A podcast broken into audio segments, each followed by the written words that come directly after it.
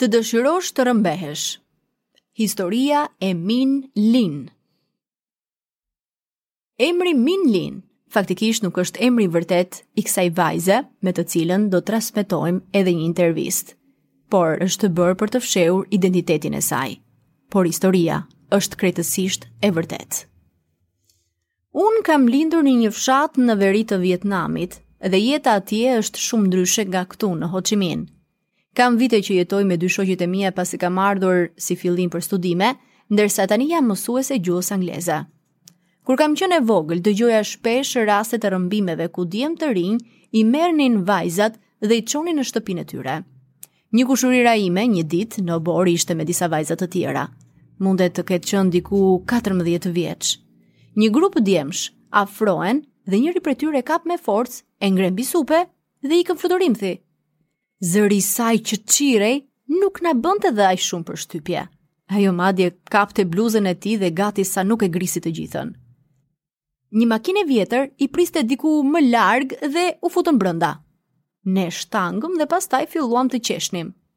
Sa më shumë që vajzat e rrëmbyra qanin dhe ishin të mërzitura, mendoj që aq më shumë do ishte e lumtur në martesë.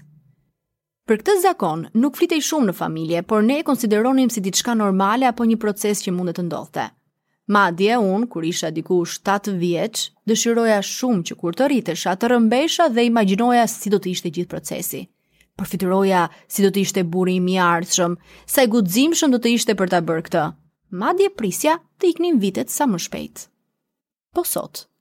Sot më vjen të qesh me mendimet e mia, por kjo ishte forma me të cilën isha rritur. Sa më shumë të vijsh në qytet, aq më pak i dëgjon këto raste.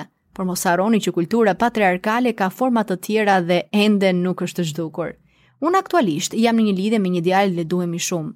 Kemi 2 vjet së bashku, por ende nuk kemi folur për martesën.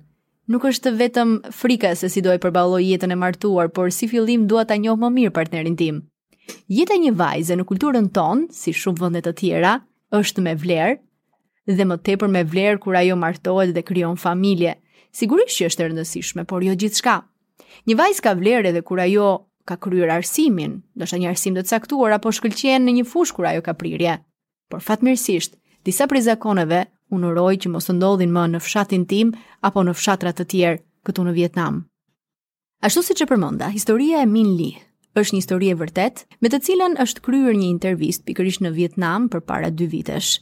Ndoshta ende në këto fshatra apo në fshatra të tjera apo në zona të tjera të Vietnamit, ndoshta edhe nëpër cepa të ndryshme të botës, Mund të ndodhin ngjarje të tilla që ne mund t'i konsiderojmë të frikshme, ndoshta të pabesueshme, por kjo ishte një histori e shkëputur për të treguar se vajzat mundet të jenë kushdo që ato duan dhe pavarësisht se kanë shumë e shumë sfida për të kaluar.